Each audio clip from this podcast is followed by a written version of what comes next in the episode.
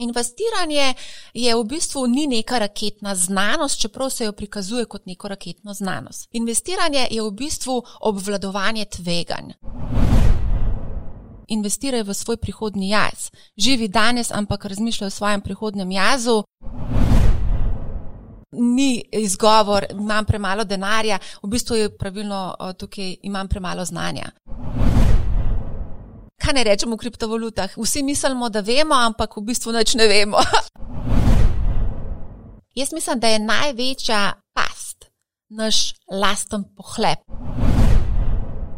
Domača naloga je najbolj pomembna stvar pri investiranju. Dobrodošli v Gravitaciji, podkastu, v katerem ideje ne padajo daleč od drevesa vami sta Aleš Ugošek in Miha Goršin, z njima v studiu pa so inovatori, razvojniki in druge ideje polne slovenke in slovenci, ki s svojimi dejanji in razmišljanjem spremenjajo naš in vaš svet. Drage poslušalke in poslušalci Gravitacije, dobrodošli in lepo pozdravljeni v jubilejni 30. epizodi podcasta Gravitacija. Dobro se namestite, kjerkoli že ste, saj vas čaka dobra urca pogovora z entuzijastično, energije polno in strokovno izpopolnjeno gostjo Marijo Milič. Marija, dobrodošla v gravitaciji. Zdravo, zdravo, hvala za vabilo. Marija, povej, a si fajn. Um, jaz sem drugače super, fajn, uh, mogoče sem danes malo utrujena, ker imam kar precej projektov, ampak na splošno sem pa super. Najlepša hvala za vprašanje, kako si pa ti, oziroma vidva. Odlično. Mislim, da se malo poznaš jutranje ure, ampak drugače pa odlično je.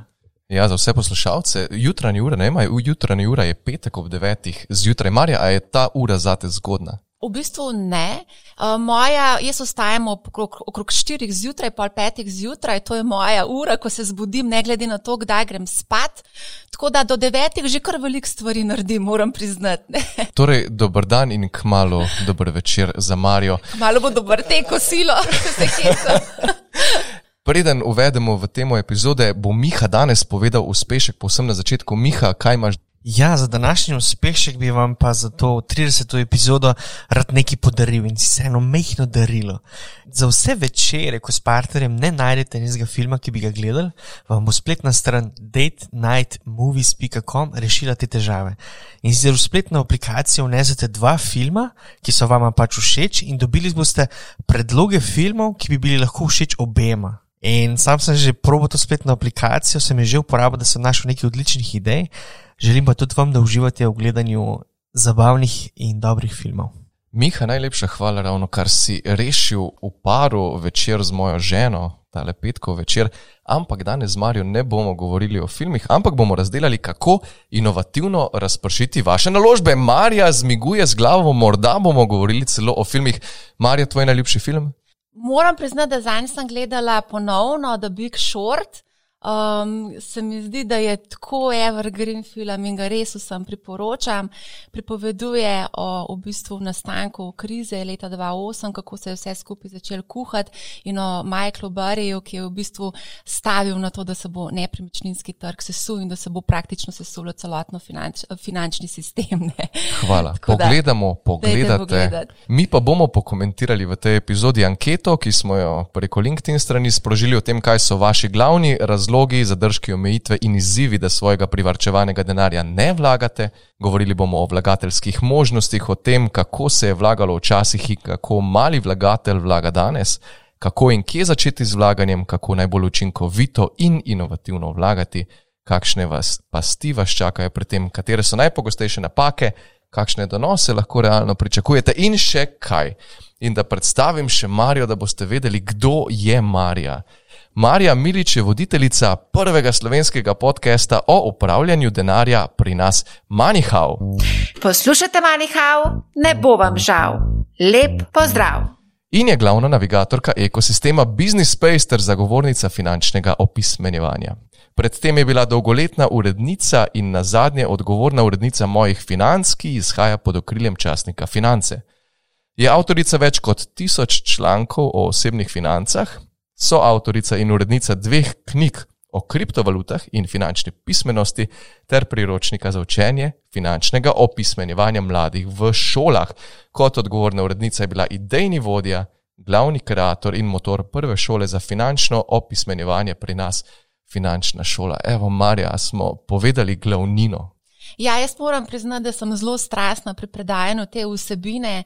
Nekako pred 13-14 eh, leti sem prišla prvič v stik s to vsebino in me je totalno potegnil not, po domače povedano. No, ko že smo začeli govoriti o tebi, ne, uh, jaz ponovadi naše goste malo postokam po socialnih omrežjih, pa prav najtkaj zanimivega. In našel sem en tvoj um, citat na Instagramu, mislim, da je pri tvoji najstarejši objavi in sicer gre tako le: denar ni vse, je pa veliko. Ja. Zdaj, uh, misliš, da obstaja kakšna povezava med denarjem in srečo? Kako ti gledaš na to?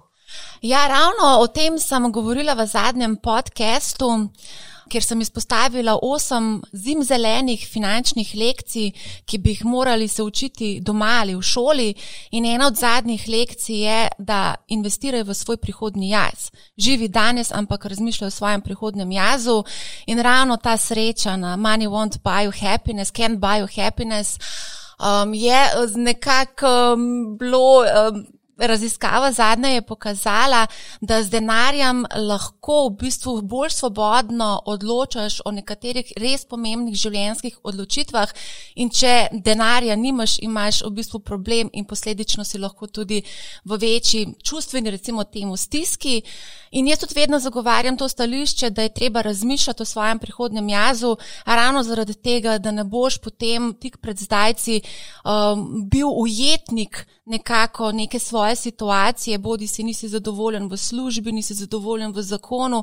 Za vse te stvari vse rabiš imeti neko, neko blazino, finančno, varnostno, ki ti omogoča, da narediš ta težek korak v življenju. Ja, ja, da, je, je, denar je, je pomemben. Um, veliko, vem, da veliko ljudi, ko sem pisala članke o tem, koliko stane otrok, ne, jo, otroci, nas, otroci so naši, naše bogatstvo. Ja, so naše bogatstvo, ampak tudi zelo veliko, veliko stanejo. Zadnje ocene, ki smo jih naredili, je bilo tam okrog 180 tisoč evrov od rojstva do 24. leta, se pravi do konca študija. Tako da to ni mal denarja. In tudi mogoče ti aleš, ko imaš tri otroke, dobro veš, kako je, če jih imaš, pa kako je treba povečati, oziroma kupiti večje stanovanje, kupiti večji avtomobil, zato da prevažaš otroke, potem imaš interesne dejavnosti in podobno. Tako da se kar nabere, kar precej denarja gre. Smo tudi dva otroka, najstnika, ne? In približno vem, koliko to stane. No. Joj, Marija, odkar si mi na zadnje povedala, da je strošek otroka 180 tisoč evrov, sem preračunal na tri otroke, pa dal še diskont na njih, pa res čim sem prišel do pol milijona evrov. In pol se mi je stemnilo, da je povej, a je otrok dobra naložba, a je to inovativna naložba. Inovativna naložba, mislim. Mladi so pač naša, naše bogatstvo, to je dejstvo. Na, na mladih svet stoji, to je dejstvo. Uh, Mladi so dobra naložba, definitivno. Um, recimo, zelo zanimiv mi je bil pogovor z Matejem Raškovičem, ki je uh, živel na Kitajskem in je v bistvu tudi preučeval Kitajce in pa njihov odnos do družine, tam drugače razumejo družino. Družina je, se vodi kot podjetje, otroke pa investicija. Zakaj? Zaradi tega, ker otroci so tisti, ki potem prevzamejo finančno breme v skrbi svojih staršev na stara leta. In to bomo tudi pri nas videli. Vsi tisti, ki ne vrčujejo za pokojnino, bodo morali prevzeti na nek način skrb, finančno skrb za svoje starše, ki enostavno pač niso pravočasno se lotili vrčevanja za pokojnino. Tako da dajte razmišljati o svojem prihodnem jazu. Na TikToku je super aplikacija oziroma efekt, ki te postara do leta 2078. Lahko se postarate in pogledate svojega prihodnjega jaza v penziji in se vprašate, kakšno bo vaše življenje takrat, kako zdravi boste, kje boste, kako boste živeli, ali imate dovolj prihrankov za to, da udobno živite. Vse te stvari so zelo, zelo pomembne, da se jih vprašamo čim, čim prej. To si zdaj pa tako jasno urisala, meni si kar prezemljila. Še zdaj domov, iz vseh nogavic, naroleč. Uh, so pa, ko sem raziskoval vsa tvoja socialna mreža, zelo business, business oriented, a ne pač veliko postaš takih zadev, pa me zanima, če mogoče mogoče skrivnost, pa ne rabiš odgovoriti. Ampak, če imaš mogoče še kakšno socialno mrežo, kjer imaš mogoče drugačno ime, da te ljudje ne najdejo, si pa lahko v stiku z družino ali pa s prijatelji. Ne, jaz sem posod predstavljena kot Marja Milič, predstavim se vedno z imenom in priimkom in za vsem tem, kar objavim, tudi stojim. Uh, ne, nimam nikjer nobenega anonimnega, oziroma nisem nikjer anonimna, kjer bi pol tam nekaj objavljala, tega pa če ne počnem. In tudi zelo zagovarjam stališče, da je treba biti, tudi če si anoniman, vsem nek kulturen dialog je treba imeti tudi na družbenih omrežjih. Opažam na TikToku, so zelo sproščeni in znajo zelo tudi kakšno tako pikro spustiti, ampak pa tudi na Twitterju in na drugih kanalih. Ampak rada bi vseeno opozorila, da pač vseeno se, se mi zdi, da je pomembno, da smo kulturni tudi na družbenih omrežjih. Konc koncev, pogovarjala sem se tudi s kar nekaj kadrovskimi strokovnjaki oziroma kadrovniki, oni tudi vse prečekirajo in pogledajo, kaj objavljaš, kako komuniciraš. In seveda, če ti tam objavljajo razne nestrpne komentarje, mislim, zakaj bi te zaposlil, ne mislim, zakaj bi takega človeka želel imeti v svoji ekipi. Ne? Pomembno je, kdo so tvoji zaposleni, kakšen odnos imaš, kdo, kako oni komunicirajo. Te stvari so zelo pomembne. Ja. Se strinjam. Kaj pa ti? ja, zelo dobro vprašanje, zelo dobro si mi nastavilo gledalo. Načeloma imam tudi jaz socialno mrežo pod svojim imenom, imam pa za produciranje kakšnih drugih vsebin, kot gaming vsebin, pa to pa imam neki gamer tag. Tako da ja, da se to vseeno mogoče loči. A jaz sem tudi približno ločena, no, jaz sem Marija Milič, ampak imam pa tudi Mani Hau. No, ja, Tako da ja, sem na dveh kanalih. Na, mojemu, na, mojemu, na mojih osebnih kanalih objavljam zelo osebne stvari v smislu investiranja. Recimo, razkrila sem delno tudi sestavo mojega portfelja. Um, omenjam tudi kakšne druge zadeve, tako, ki se mi zdijo zanimive, ki bi jih lahko človek mogoče uporabil tudi v svojem življenju. A pa da bi dobil vsaj idejo, kako kaj narediti. Ne? No, smo se že malo dotaknili, manjhav. Kot voditeljca podcasta, kdo je bil tvoj najbolj zanimiv gost? Wow, velikih je bilo zelo zanimivih, ampak aj želim izpostaviti. Definitivno Matejšo Raškovič o Kitajski, zaradi tega, ker to je čisto en tak drug pogled na način življenja eh, v Kitajski, na njihov način investiranja, razumevanja partije, ko udar partija z roko. Tam je en šef, tam je partija šef, pika. um, in po, ko se udara po tehnoloških delnicah, to smo v bistvu vsi po celem svetu zelo, zelo čutili. Ne bi pa samo Mateuža Raškoviča izpostavila, Egon za krajšek, definitivno iz Feda.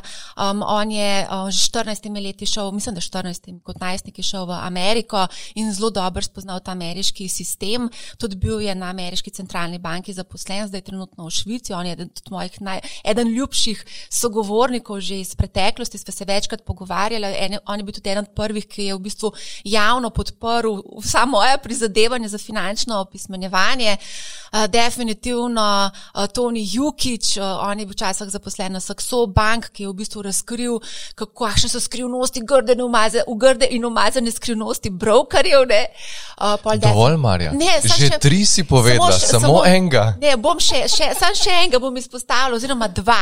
Uh, izpostavila bi rada še Damena Merlaka, z njim sem naredila že ne vem koliko intervjujev, kriptomilionar, serijski podjetnik, večina ga zelo dobro pozna in tudi tak zanimiv človek je. No, se mi zdi, da se je zelo fajn, zelo fajn se z njim pogovarjati. Zelo rada se pa pogovarjam tudi z Andražem Grahkam, ne, on je tudi v bistvu moj navigator v projektu Business Space in pa tudi pri Mani Hau pogosto sodeluje, ima neverjetno zakladnico znanja in mislim, da je on eden od redkih v Sloveniji, ki zna najbolj zakomplicirane stvari pojasniti na tak način, da tudi babica razume.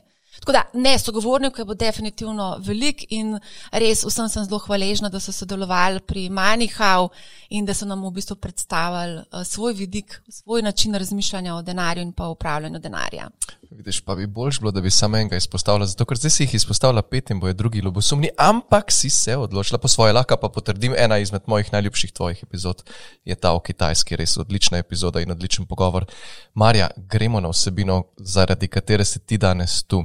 Na LinkedIn smo naredili eno kratko anketo, vprašali smo poslušalce gravitacije, kaj so glavni razlogi za držki izzivi, da ne vlagajo svojega privrčevanega denarja kamorkoli.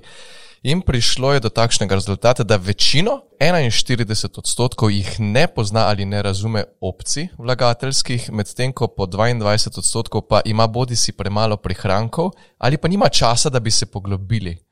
Marja, povej tvoj komentar. Vem, da si zelo kritična do tega, da kdo reče, imam premalo prihrankov. Ja, v bistvu sta vidva pripravila anketo, tako da sta vidva nastavila te odgovore. Mogoče bi bili odgovori lahko tudi drugačni.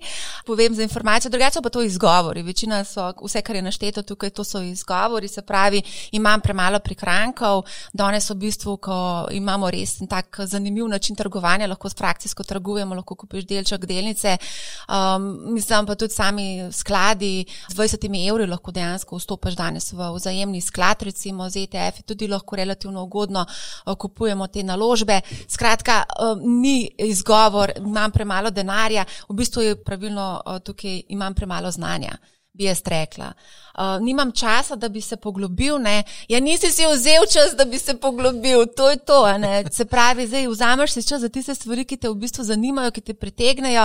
Nekaj, imamo strastne tekače, hribolasce in ne vem kaj, zato se vzameš čas, ne. Za vrtnarjenje si vzameš čas, za gledanje filmov si vzameš čas, za investiranje in spoznavanje sveta, fina, svet financ si moraš pa tudi vzeti čas. Torej, vzeti si je potrebno čas.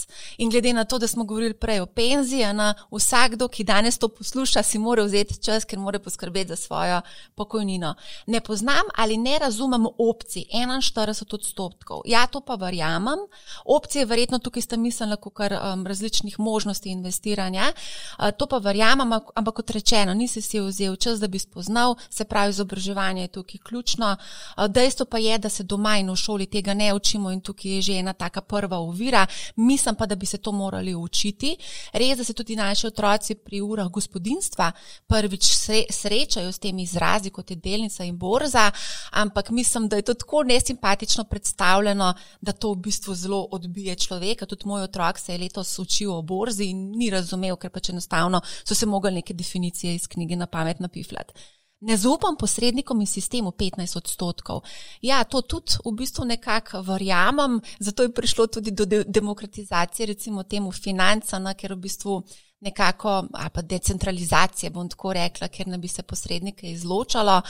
Veliko je bilo v preteklosti napačnih nasvetov strani finančnih uh, svetovalcev, posrednikov in mogoče od tudi tukaj tudi to nezaupanje uh, v posrednike in posledično tudi v sam sistem. Uh, smo pa teden kasneje tudi objavili še eno anketo in sicer katere vlagateljske možnosti pa najmanj poznate. Zdaj tudi tukaj so dane neke možnosti in Prvi vrh, katere najmanj poznajo, so bili ETF, pa se pravi ESG. A sem prav povedal? ESG investiranje. ESG, ja, investiranje. Ja.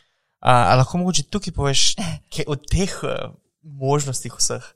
Ja, seveda. Zdaj, tlele 40 odstotkov je bilo ETF, e ne poznajo ja. ETF-ov, škoda, ne? to gre za sklade, ki kotirajo na borzi.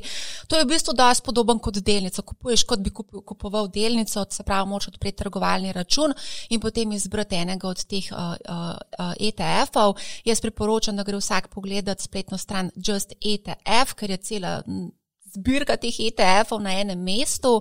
Um, kar se tiče samih ETF-ov, um, je tako, no, malo več znanja vseeno je potrebno imeti, odpreti moš trgovalni račun, uh, potem moš denar nakazati na trgovalni račun, izbrati moš ETF.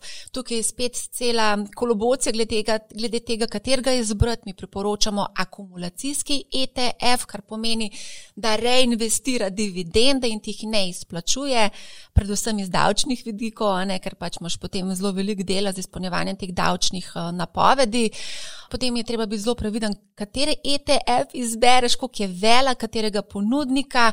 Vse te stvari so zelo pomembne in pa seveda uh, zanimivi so ETF-i, predvsem zaradi tega, ker so cenovno zelo, zelo ugodni. In tukaj je zelo pomemben strošek, vsak strošek, ki te udarti, znižuje donosnost. Ne?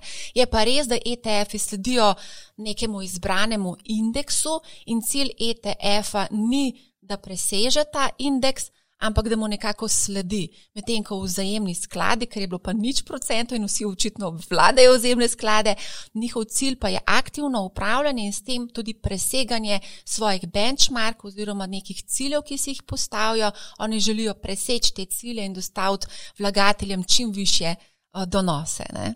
Marja, ravno zaradi tega, ker vsi so očitno poznali vzajemne sklade, vzajemni skladi in ETF-ji so podobna zelo zadeva, podobna. zelo podobna, ampak vseeno v detajlih pa različna. A lahko zelo enostavno razložiš najprej, kaj je vzajemni sklad in kaj je razlika do ETF-a. V obeh primerih gre za razpršeno košarico naložb. Se pravi, ti imaš eno košaro, notor imaš vse notor živo na metan, pač imaš lahko mal jagod, mal hrušk, mal ne vem česa, katerega kol sadja. To je košara različnih naložb. Ne. Zdaj, vzajemni skladi so aktivno upravljeni, se pravi, imajo enega upravljalca, ki reče: Jaz bom pa danes malo hrušk ven vrgu, pa bom zbral eno drugo sorto hrušk, pa bo dal nekaj drugega noter. Ne? Medtem ko pri ETF-u, ki pa pasiv, večinoma so pasivni, čeprav obstajajo tudi aktivni, se pa nekako držijo teh, teh indeksov, se pravi, indeksi imajo že vnaprej določene pač neke delnice znotraj tega indeksa in pač te, nekako tega razmerja držijo. Ne? Tako da načeloma je dosti podoben, sam da vzajemni sklad kupujemo preko družbe za upravljanje in ne na borzi, medtem ko ETF kupujemo na borzi. Zdaj, ko govoriva o delnici, recimo pa o vzajemnem skladu ali pa o skladu, ki je razprošena košarica. Predstavljaj si, da si sred morja in pride nevihta. Ne? Če si ti na supu sama, na, torej delnica, ne? obstaja zelo velika verjetnost, da se, mislim, pač je veliko bolj, več imaš uh, tega lovljenja ravnotežja, oziroma več, več dela imaš s tem, no? več je uh, adrenalinsko, stresno in naporno zate. Medtem ko ti imaš, ko imaš pa uh, sklad, ki je razpršena košarica, ker imaš več mornarjev na, na ladji, pa imaš enega, ki se stoji tam, pa nekako manj vodi to ladjo skozi celo nevihto, ne? je pa v bistvu veliko manj tvegano v bistvu zate. To si zelo dobro prikazala. Ja. Če gremo malo še potem naprej, kriptovalute je bilo naprimer 20 odstotkov ljudi ne razume kriptovalute, mogoče še nekaj malega o kriptovalutah, čeprav je toliko povedanega. Ja, o kriptovalutah to, to se vsi govorijo, tudi na, recimo, na nacionalnih eh, televizijah in drugih medijih eh, zelo radi poročajo o kriptovalutah, zelo je tako ratala spopulariziran. Zanimivo je, da ne poročajo o ETF-ih, veliko bolj uporabno za človeka bi bilo znanje o ETF-ih, eh, ker v bistvu vse manj tvega na naložbo, kot pa recimo kriptovalute. Tako da, ja, kaj ne rečemo o kriptovalutah? Vsi mislimo, da vemo, ampak v bistvu nič ne vemo. ja. ne? Večina ljudi verjetno ne ve, da ko vlagaš v kriptovalute, kot da bi vlagal približno v delnice. Oh, je v bistvu je veliko bolj tvegano. Veliko bolj, veliko bolj tvegano, pa absolutno. Veliko, ja. je pa res, da so v bistvu vsi ti žetončki, mislim, da jih je okrog 6500 teh kriptovalut in kriptožetonov, so v bistvu organizirani kot nekakšni projekti, ne, kot v bistvu nekši, nekakšni start-upi, ne, to je res. Ja. In v bistvu vsi mislijo, da so boljši, najboljši in vsi izpopolnjujejo svojo tehnologijo um, in se nekako tako tekmujejo med sabo. Ja. Tako, v resnici vlagaš v start-up, ki temelji na blokčinu.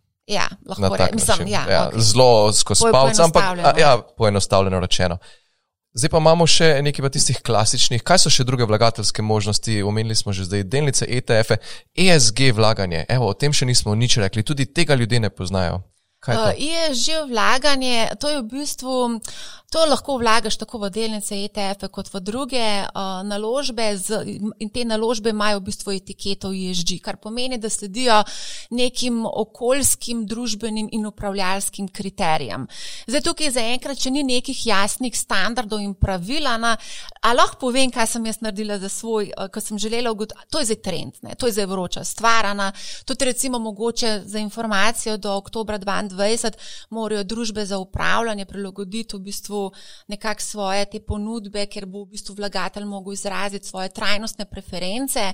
To je vroča stvar, izdajajo se trajnostne obveznice, zelene obveznice, skratka hot topic. Um, je pa res, no, da je tudi zelo veliko še nejasnosti. Dve podjetji sta, oziroma rejting agenciji, ki podeljujejo te ocene ESG od 1 do 10, Sustainalytics in pa uh, MSCI. Ne? In v bistvu ima vsak svojo metodologijo in lahko pa enemu dobiš uh, petko, pa drugemu pa osemko. Za foro sem pa tudi jaz rekla, da okay, grem pogledat, kakšen je moj ESG, mojega portfelja. Ne? In sem ugotovila, da je mal čez štiri. Pogledala sem, kdo so zmagovalci, recimo Microsoft je zelo ESG, a ne tudi uh, globalno gledano, tudi v MSCI-ju je na prvem mestu kot Global ESG leader ne, uh, z oceno 9. Uh, loser v mojem portfelju konkretno je bil pa uh, Peloton. Um, oni so pa zašuštrali z eno reklamo leta 2019 ko je v bistvu mož prinesel um, kolo svoji ženi, ampak je v bistvu tako izpadel, kot da je namignil, kot ti pa moraš malo skušati, nekaj, nekaj ena taka fora je bila. No. In v glavnem je bila totalna drama in po ali mi je ocena padla in grozen je bilo. Skratka, um, ja, tudi recimo, uh, tudi recimo Blizzard, to je gamer, se je znašel zdaj v enem takem škandalu, ker naj bi uh, se govorili o nekem spolnem nadlegovanju zaposlenih, kako bo to vplivalo na išči, bomo še videli. Ne. Zanimivo mi je bil pa recimo Volkswagen, ki se je leta 2015 15-16 znašel v Dieselgateu. Pa imeli so nek, sindikalisti so imeli nek črn fond za razuzdane zabave, ma pa zelo visoko je že oceno 8 čist nelogično. Ne? Uh, tako da ne vem, je zanimivo, definitivno za opazovati, um, definitivno se bo pa še o tem zelo veliko govorili.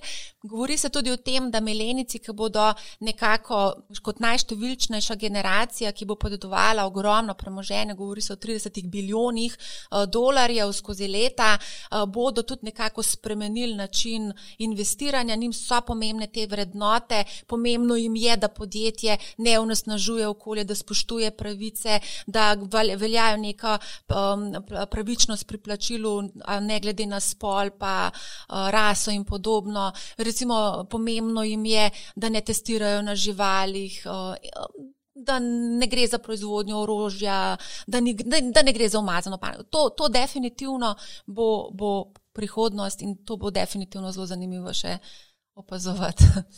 A lahko je zdaj tukaj postavljeno mogoče eno čudno vprašanje. Ali bi lahko primerjali um, ESG vlaganje z nekimi, če primerjam s hrano, ali bi bilo to veganska opcija trgovanja? Dobro, što se je to spomnil, veganska opcija trgovanja. je, kaj imaš tudi veganske čevlje, ne, ki ne uporabljajo lepil, ki so na živalih, ne vem, veganske produkte. Ali je to bolj hipsterske narave? Pojma nimam, nisem sploh razmišljala o tem. In definitivno je pa ena taka vroča stvar. Kaj pa vem, jaz mislim, da A tebi to je pomembno? Recimo, a je to vama pomembno, kaj kupujete, kje kupujete, a vam je pomembno, ne vem, testiranje na živalih, recimo, ali pa recimo Avstralcem pa um, Angležem je blazno pomembno, da, modern, da, da, da, da podjetje nima tega modern slavery, se pravi um, sodobnega suženstva, ne, uh, take stvari. Ne vem, a vam, se vam to zdi pomembno? Mislim, meni se zdi pomembno, ampak na koncu si včasih enih produktov ne moš prvoščiti, če gledaš na to. To je pa res. Ja. Taka izkušnja imam jaz. Ja. Jaz lahko iskreno povem, da premalo to upoštevam. In da bi lahko rekel, da mi je to pomembno. Zdi se mi na načelni ravni, se mi zdi to zelo pomembno. Ne? Ampak vem za eno specifično trgovino v BTC-u, o kateri so bolj ali pa manj resnične zgodbe, in v tisto trgovino ne bom stopil. Ne? To je ena izmed redkih trgovin, ampak Až v HM bom pa šel kupiti, pa ja. tudi ni vse ok. No, tam pa je tudi uh, green, greenwashing, ne, uh, prav HM, pa Zara in podobni, ne, so se znašli sred, te, sred tega, ne, se pravi, govorijo, da so ESG, ampak dejansko niso ESG, ne, se pravi, ne delujejo v skladu z okoljskimi in družbenimi upravljanskimi vidiki. Da, ja, ampak lej, naši otroci pa so vzgajani v tem duhu, imajo tudi kar nekaj vzornik, Greta, recimo, ne. Tudi, recimo, moji otroci, otroci hodijo v eko šolo, a ne, nisem jo sicer izbrala, ker bi bila eko, ampak pač je tam, kjer živim, ne. Ta šola, nekaterim staršem je to pomembno in tudi nekaterim in otroci v bistvu, njim se ne zdi nič čudnega, da danes reciklirajo. To je nekaj čisto posem normalnega. Spomnim se pred desetletji, ko smo začeli govoriti o recikliranju, so se te mogoče malo starejši pritožvali, zakaj bom zdaj jaz recikliral in hkrati plačeval. Eh, komunali za, za odvoz smeti, moram pa jaz delati. Ne. Tako da, ne vem, spremenjajo se te navade, tudi danes papirčko ne mečemo več, po tleh včasih se, se pa to dogajalo. Mislim pa, da je to tudi, če ni mogoče pomembno enim podjetjem, mislim, da to se bo pojavilo kot ena priložnost. Drugače so mi pa tudi povedali, da recimo mladi so postali pozorni tudi, kje delajo, kako, pa kaj v bistvu počne tvoj delodajalec.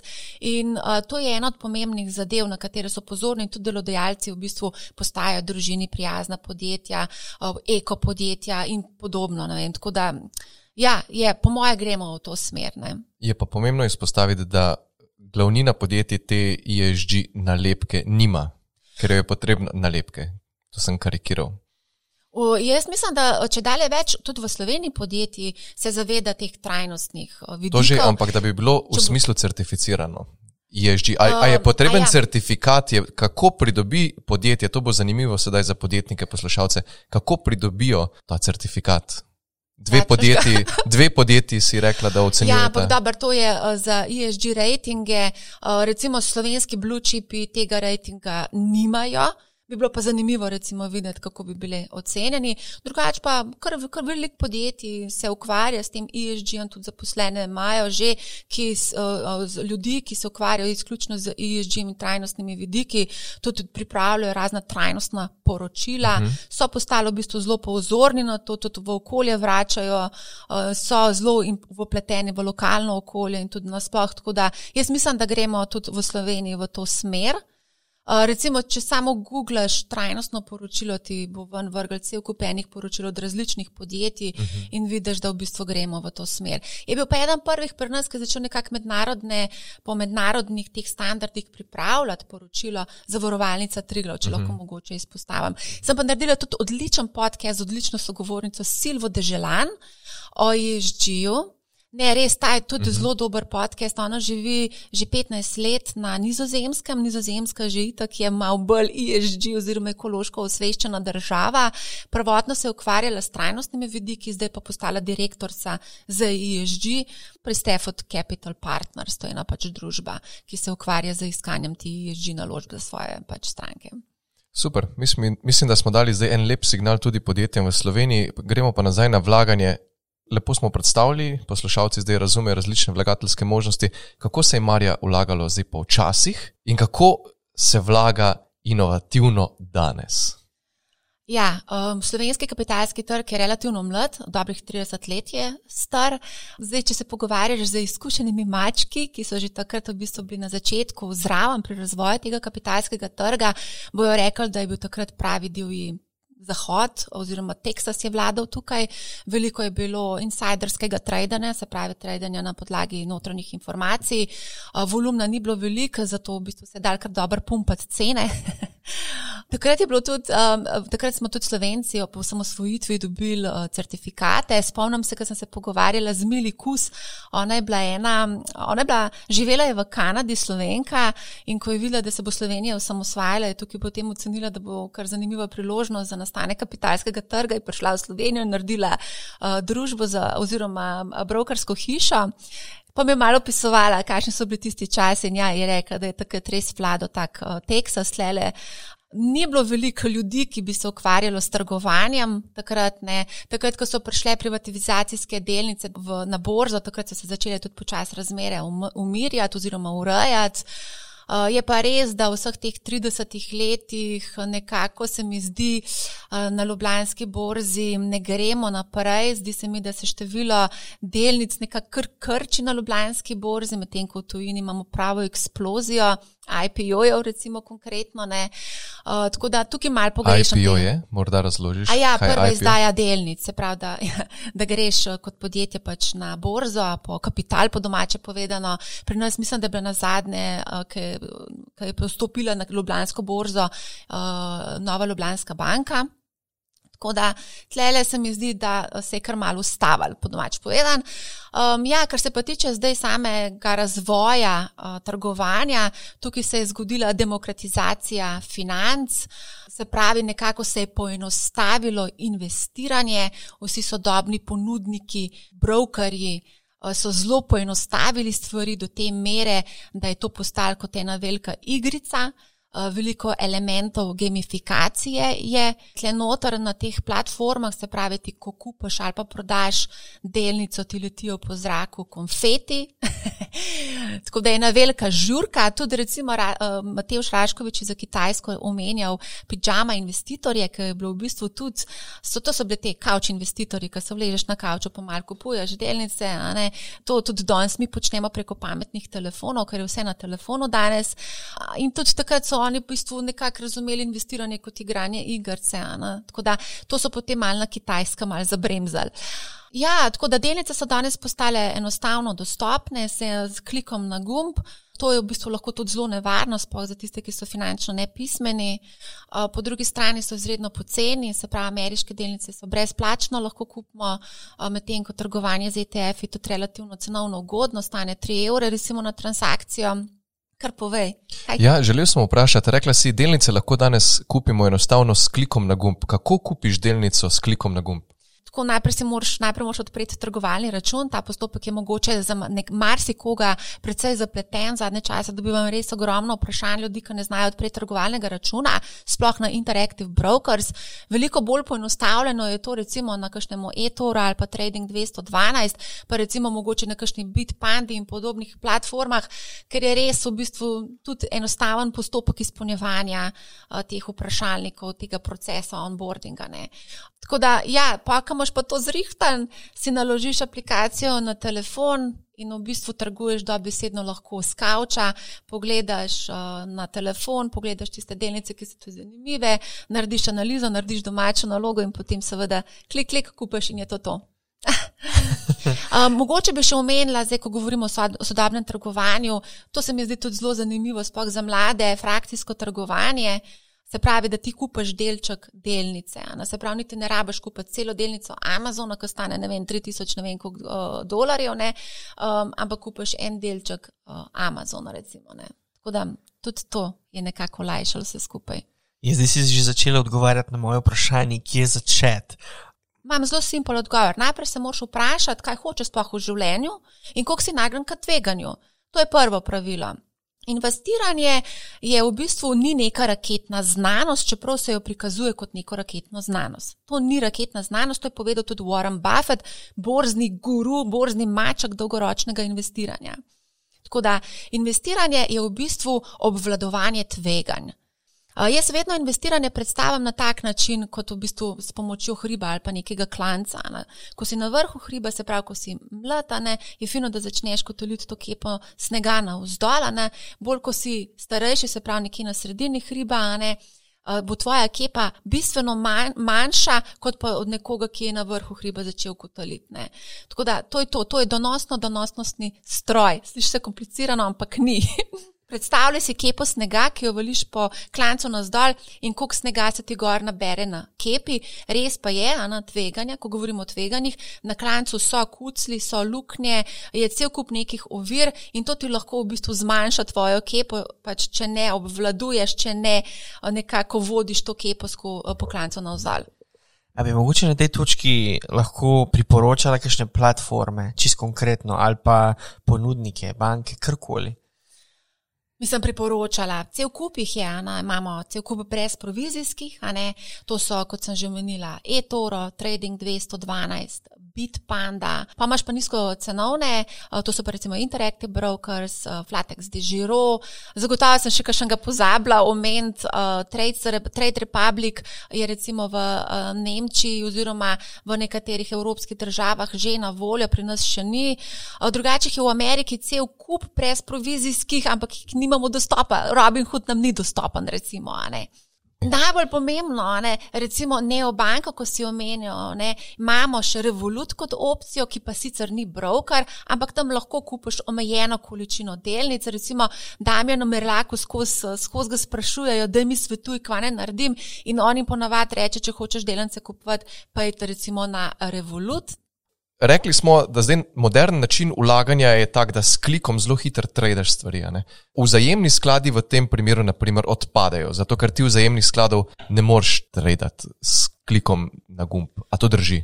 Ja, res je. Zato, da naredimo zdaj selekcijo, kaj so tiste opcije, ki naprimer človeka, poslušalca, ki je recimo star med 35 in 40 let in bi želel vložiti 1000 evrov v kakšne opcije bo dal, da bo inovativno, hitro razpršil svoj denar. Jaz ne vem točno, kaj pomeni inovativno investiranje, moram priznati. Lahko bi rekel. To je zlaga, zlagana beseda, je inovativno. Boljš bo, da rečemo kreativno, da razprši ali pa hitro, user-friendly. Uh, user-friendly, mislim, lej, to je vse stvar tega, kako si ti nagen k tveganju. Zdaj, če ti nimaš nič znanja, se s tem ne želiš ukvarjati, uh, če imaš druge prioritete v življenju, ampak se zavedaš, da moš nekako vrčevati za pokojnino v malo bolj tveganih naložbah, kot je kopičenje denarja na bankah. Jaz mislim, da je v tem primeru najbolj primerno za enega taga vlagatelja, da odpre vrčevalni račun na družbi za upravljanje. Pika. Mislim, da je to nekako najbolj elegantno, vzameš eno globalno razpršeno zajemni sklad. Edina tvoja skrb, ki bi mogla biti, je ta, da izbereš družbo za upravljanje, ki nima najbolj zasoljenih provizij. Uh, to, to je tvoja edina naloga, da pogledaš, koliko te stane, sklad, vendar ne biti pozoren na vstopne stroške, ampak na upravljalsko provizijo, ki lahko znaša 2-3 odstotke in te zelo, zelo lahko udari. Je razlika med 2 in 3 zelo velika. Zdaj, recimo za nekoga, ki bi pa želel uh, mogoče sam se s tem ukvarjati, ne, uh, pač lahko odpre trgovalni račun in kupuje recimo ETF-e, ki so cenovno bolj ugodni kot vzajemni skladi. Predlagam globalno razpršen ETF za začetek, potem, ko se pa malo naučiš, postaneš bolj samozavesten, greš pa kupovati tudi druge naložbe, druge ETF-e, druge regije, panoge in tako dalje. Vsekakor pa odsvetujem, da bi nekdo na začetku že takoj začel trgovati z vzvodom. Ne. To se veliko krat zgodi, sploh mladim na e-toru. Sem opazila, veliko krat so mi potožili, da so hoteli kupiti delnico, pristali so pa na koncu z CFD-jem, to je pa izvedeni finančni inštrument, ki je bistveno bolj tvegan kot pa recimo neka delnica ali pa ETF. Lepo si že začela uh, zdaj s tveganji, a ne pa nekimi pastmi. Uh, a so tukaj še kakšne, bi mogoče izpostavila še kakšne take zelo, zelo pogoste napake, oziroma so, kje so največje tveganja oziroma pasti danes? Je kar precej pasti, tvegan, jih je ogromno. Jaz mislim, da je največja past naš lasten pohlep. Mi smo tako pohlepni. Jaz vam povem, ko enkrat prideš v situacijo, ko tvoja delnica pridobi 100 odstotkov, 150 odstotkov in kar gledaš in to kar raste, mislim, razum ti govori, pa da je to že enkrat prodaj, ampak uno, um, kaj pa če bo še rasel, ne? In tukaj prideš v bistvu nekako nekako spoznaš malo sam sebe. Tako da je, je, pohlep je ta prva stvar, ki je največja past. Jaz mislim, da druga past, ki jo pogosto zanemarimo, je to, da ne naredimo domače naloge kar tako malo investiramo, vse poprek, na koncu pristanemo s račim grezdom, pravih, eh, s račim gnezdom eh, naložb. Eh, veliko krat investiramo na podlagi, ne vem, mogoče nam sosed pove, pa ja, to znanc ali pa to ne znanc. Recimo pri e-toru lahko investiraš tako, da kopiraš portfelje, to je social trading. Potem Um, zanimivo mi je to, to dobivam ogromno vprašanj mladih. Oni sploh ne vedo, da moš plačati davek na kapitalski dobiček. To mi je res fascinantno. Greš investirati, pa ne veš, da potem moš plačati davek na dobiček. Številni se pa lojamejo tudi v razne prevare, sploh ko je govora o kriptovalutah. Jaz sem uživo nedavno spremljala eno prevaro prek YouTube-a.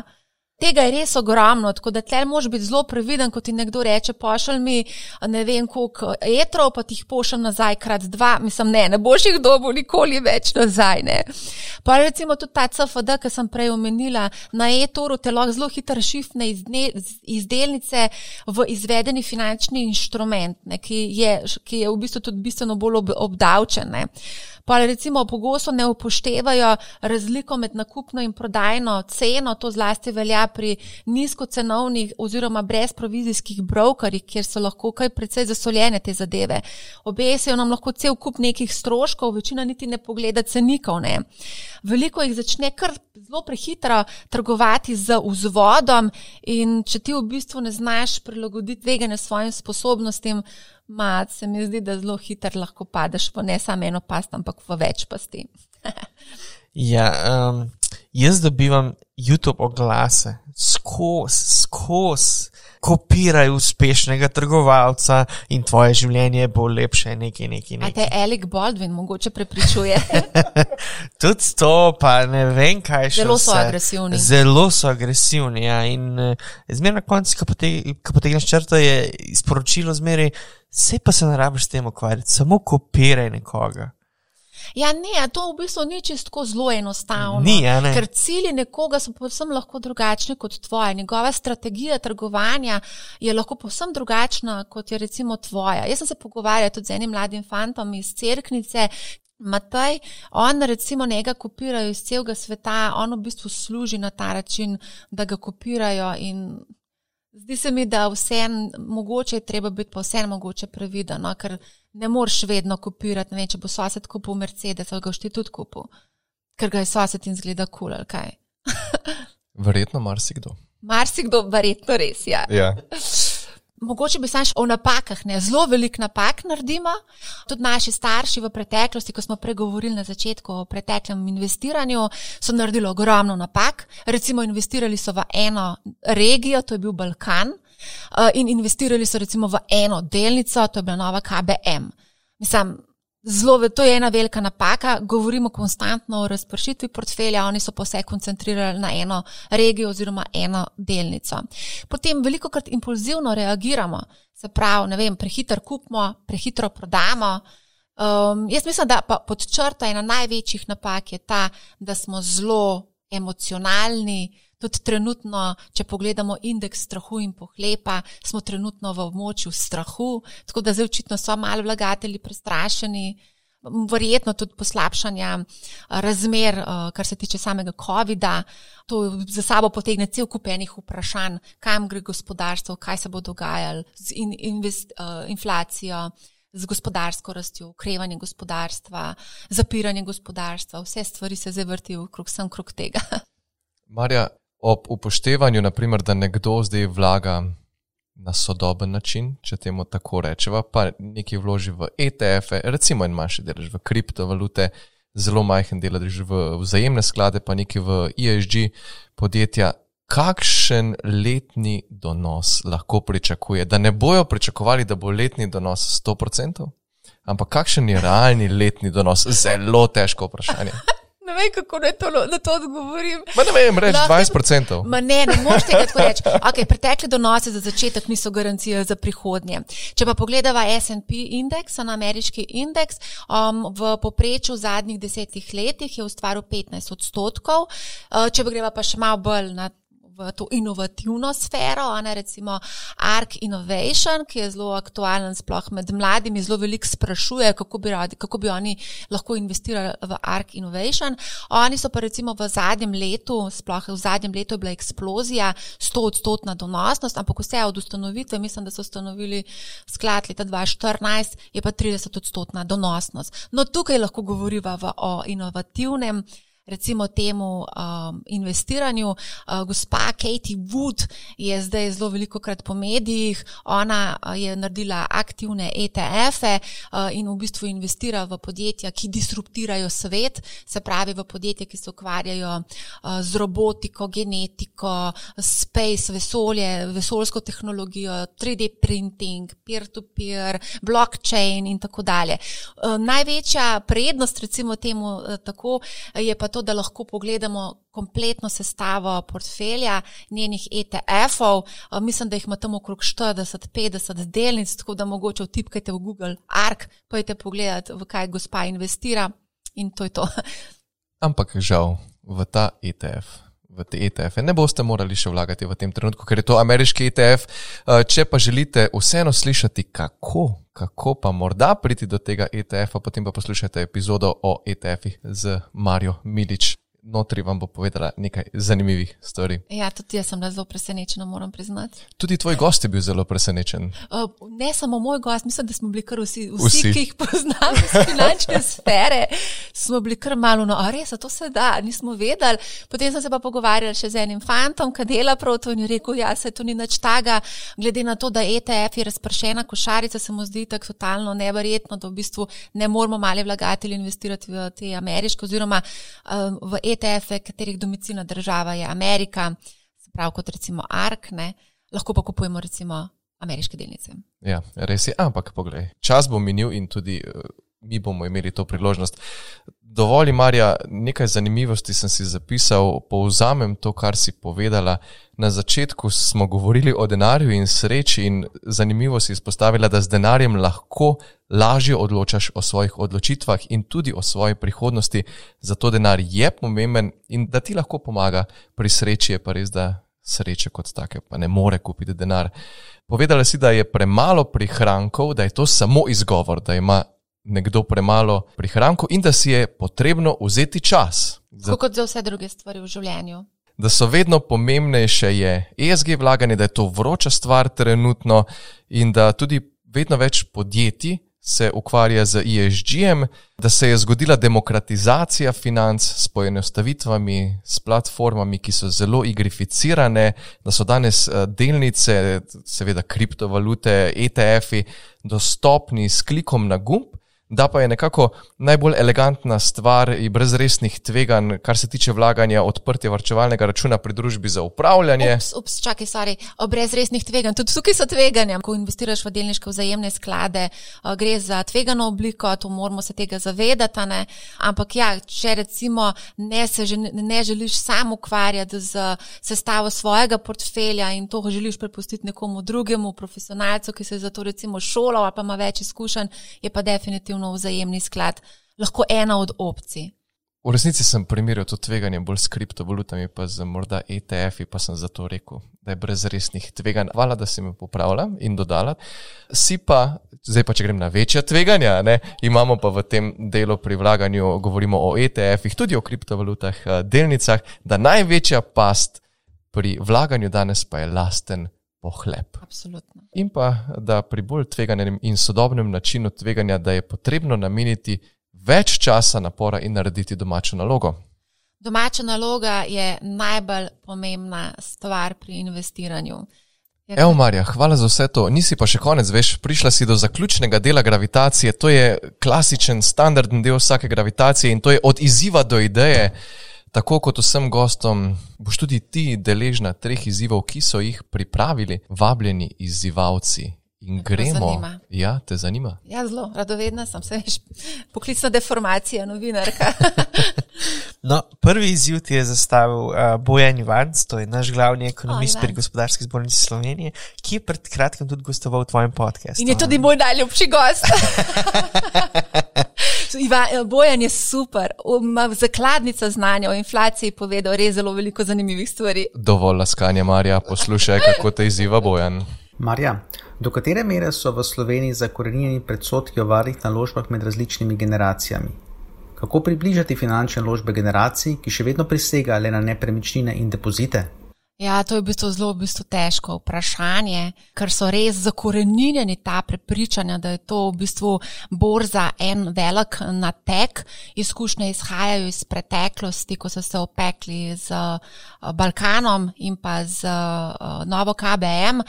Mene je najbolj presenetljivo to, da se to prenaša potem iz roda v rod. Lahko pa rečem, da sem izredno presrečna, da imamo vse več mladih, ki v bistvu razmišljajo svojo glavo in se nekako sami preuzgajajo ob pomoči raznih teh kanalov, kot so Reddit, TikTok, uh, Discord. In se mi zdi to zelo pohvalno, da v bistvu mladi samo inicijativno, to je po moje tudi posledica kriptovalut in tega norega bogatenja. Se mi zdi, da so mladi potem tudi nekako začeli se malo bolj aktivno s tem ukvarjati. Je pa res, da sem opazila, da mladi, ki so nekako okusili kriptosvet in vsa ta nihanja in bolečine na kriptosvetu doživeli, iščejo nekako malo bolj umirjene naložbe in to zdaj iščejo v delnicah in v ETF-ih. In se mi zdi, da oni nekako malo bolj razumejo to kot umirjene naložbe, čeprav so še vedno izredno tvegane naložbe. In ja, ja se spreminjajo ta nekako med generacijami in uh, naložbena prepričanja in pa seveda tudi razumevanje samega tveganja.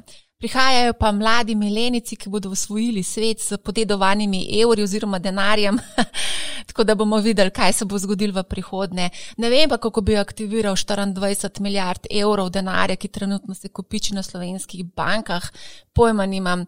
Dejstvo pa je, da recimo za nepremičnino, ki je zelo prirubljena naložba, Mogoče lahko tukaj povem eno izkušnjo. Ene moje kolegice, ki je že v poznih 50-ih letih, oziroma na začetku 50-ih, recimo tako, ona je recimo življenjo ni investirala v nobeno naložbo, sin je priporočal Bitcoin relativno zgodaj, že takoj na začetku, gospa je z tem obogatela in seveda ta prva stvar, ki želi investirati zdaj te bogate dobičke, je v nepremičnino. Se pravi, ta denar, kripto se pretaka, oziroma te dobički iz kripta se pretakajo v nepremičnine, ki je vse nekoliko, nekoliko bolj varna naložba.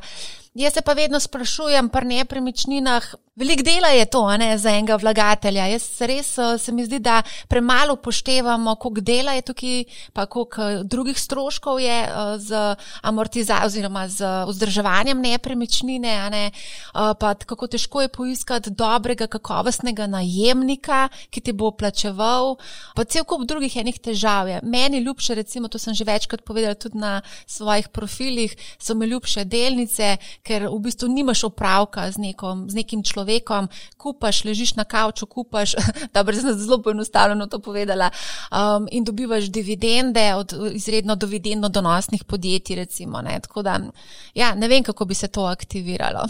Ampak si lepo, lepo si odgovorila. Mislim, da tudi Bojan bo zadovoljen. Ga bomo povprašali, ali je bil zadovoljen z rešitvijo tega izziva. Tudi jaz ga bom vprašala. Tudi ti ga boš vprašala, zmenjeno. Evo, ga bomo iz dveh strani, da vidimo, če bo imel enako. Bo primerjala pa. Tako, tako. Drugi izziv pa ti je Marja pripravil David Urankar, voditelj oddaj Avtomobilnost in Dobro jutro na radio televiziji Slovenija ter voditelj priljubljenih slovenskih podcastov Automat in Gospoda. RTV Slovenija. Poznaš Davida? Ja, seveda ga poznam. No, ga tudi spremljam preko LinkedIn, se spremljava. Se spremljata, ja. poslušaj.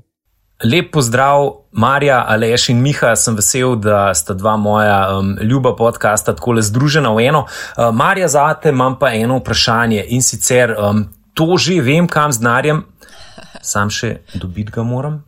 Um, bi pa vprašal, kako bi ti svetovala nekomu z dvema mulcema, recimo dve leti, pa šest let, kdaj začeti z um, ozaveščanjem in na kakšen način o, o denarju, o vrčevanju um, in teh podobnih stvarih. Um, tak, mogoče je to tudi ideja za podcast, če ne moreš tako um, na kratko verjeten to strniti.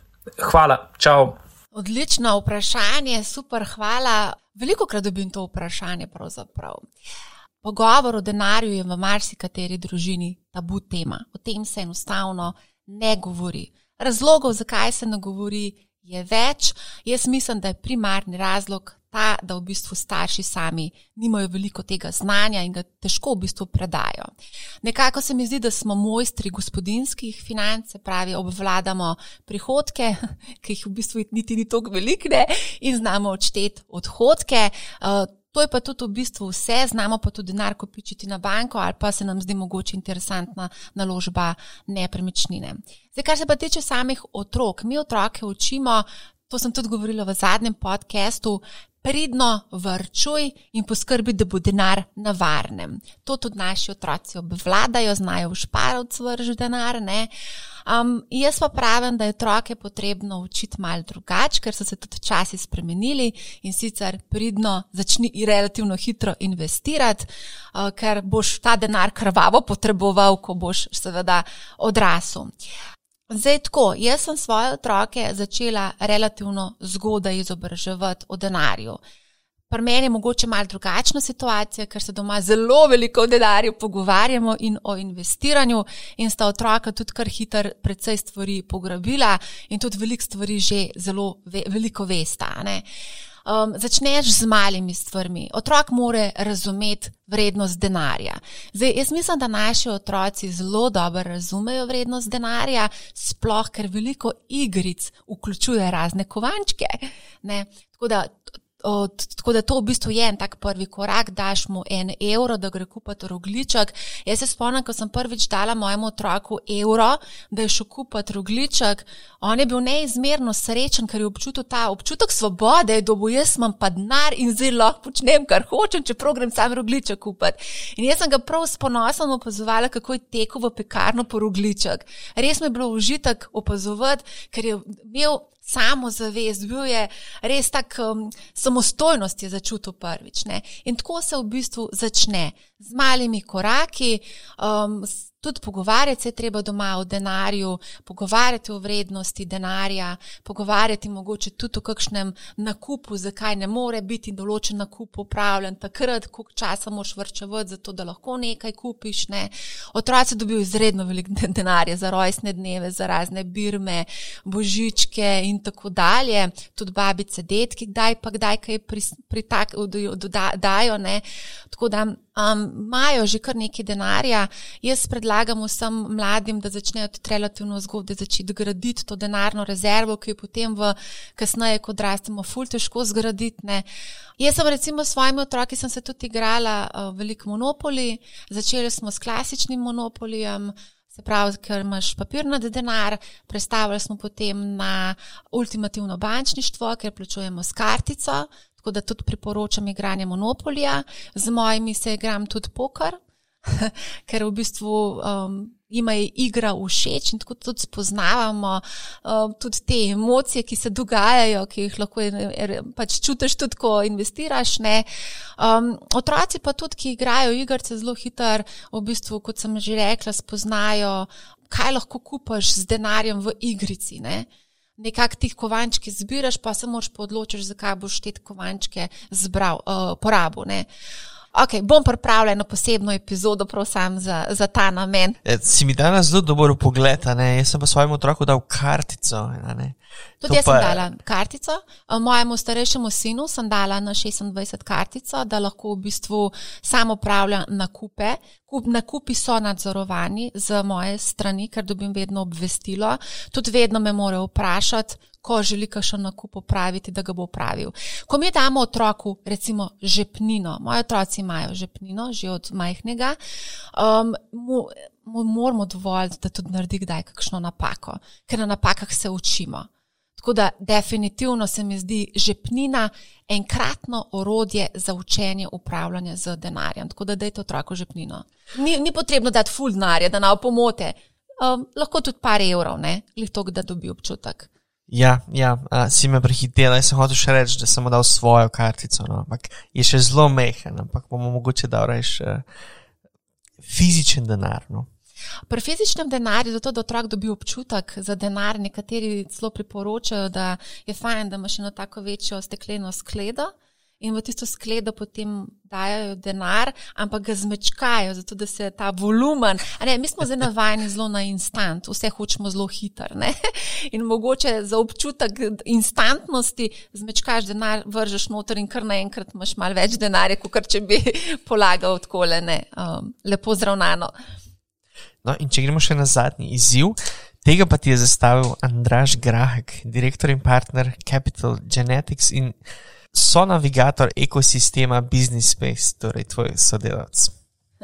Živijo Marja, pozdravljeni poslušalci, tukaj je tvoj izziv. Vsi poznamo izraz znanje mora krožiti, enako velja za znanje na področju osebnih financ. Ali meniš, da je možno in ali je dovolj znanja, da se to znanje prenese skozi javni izobraževalni sistem, ali moramo tukaj postati bolj aktivni državljani in mora znanje krožiti od ljudi za ljudi? Marja, zanimivo je bilo spremljati tvojo telesno govorico pri tem vprašanju. Ja, jaz moram priznati, da sem zelo, tako recimo, kar se tega tiče izobraževanja v javnem javni sferi, kar se tiče financ, mogoče sem kar mal vrgla puško v koruzo. Uh, dejstvo je, da ja, se učimo, kot sem rekla, že prej pri gospodinstvu imamo neke osnove gospodinskih financ, uh, prvič se srečajo tudi z borzo in pa z izrazom borza in delnica, ne srečajo se z ETF-i, recimo, uh, srečajo se z vzajemnimi skladi, ne srečajo se z kriptovalutami, ne srečajo se z instantnimi plačili, ne srečajo se z cel kup drugimi stvarmi, ki bi jih lahko in bi jih morali poznati.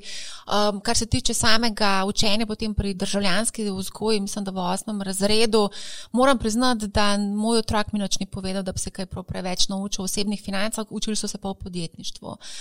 Ja, jaz mislim, jaz mislim, da bi mogli to malo drugače reševati, kot se daj rešujemo. Jaz mislim, da bi že na pedagoški fakulteti morali se učitelji prvič srečati za to vsebino, zaradi tega, da se jim nekako vcepi to. Uh, sedaj v bistvu nekako to znanje predajajo entuzijasti, učitelji entuzijasti. Uh, nekatere šole so celo naredile krožke osebnih financ, kar je zelo pohvalno, celo, uh, celo predmet oziroma nek del predmeta osebne finance tudi učijo v nekaterih šolah, ampak to je absolutno, absolutno premalo. Jaz mislim, da bi mogel biti v šolah predmet zdaj ne vem, če ravno redni, oziroma vsaj izbirni, no, da bi vsak lahko nekako imel možnost se brezplačno predati v stik s to vsebino. In predvsem je pomembno, da je pomembno neodvisna. No. Danes imamo celo poplavo nekih informacij, ampak moram priznati, da ni neke kritičnosti. Jaz sem tukaj zelo v bistvu razočarana nad tem, kako v bistvu oglaševalci, kako panoga, kako v bistvu ponudniki, v bistvu vsi nekako trobijo v svoj rok ne, in nekako pozabljamo na to neodvisnost. Ne.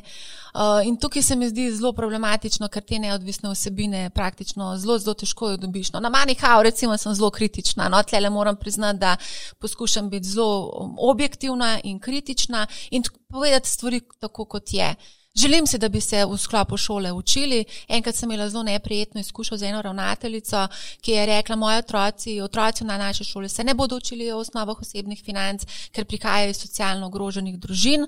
In sem rekla: Ja, ravno ti otroci potrebujejo to znanje, zato bi morali se učiti o tem, zato da ne pristanejo v istem zosu kot njihovi starši. In mislim, da finance, upravljanje denarja ni bav bav in mislim, da bi se morali vsi tega zavedati in zavedati, da trdo delamo za svoj denar in zato moramo tudi pametno ravnati s svojim denarjem. Marja, zaključila si z lepim citatom. Hvala lepa za tvojo iskrenost, za vse tvoje znanje, ki si ga danes delila s poslušalci in poslušalkami. Hvala, ker si prišla v gravitacijo. A je bilo zahtevno, so bili izzivi težki. Najlepša hvala za vabilo. Ne, izzivi niso bili težki. Verjetno bi pa lahko o tem govorila ure in ure, ampak me skozi prganeš, da moram zaključiti.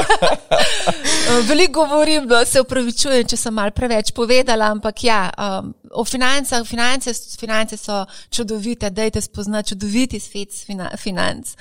Prijetna sogovornica si, zato si dobila ekstra več kot deset minut v tej oddaji.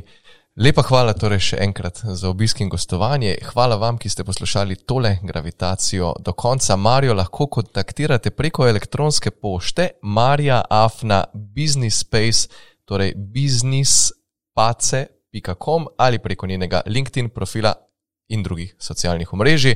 Naslednja epizoda izide ponovno čez dva tedna, v njej pa bo vas z Miho gostila Petro Škarja iz žaložbe Petka in Jureta Kneza iz Devesofta, s katerima bomo ugotavljali, kdo so akrobati in kaj delajo drugače.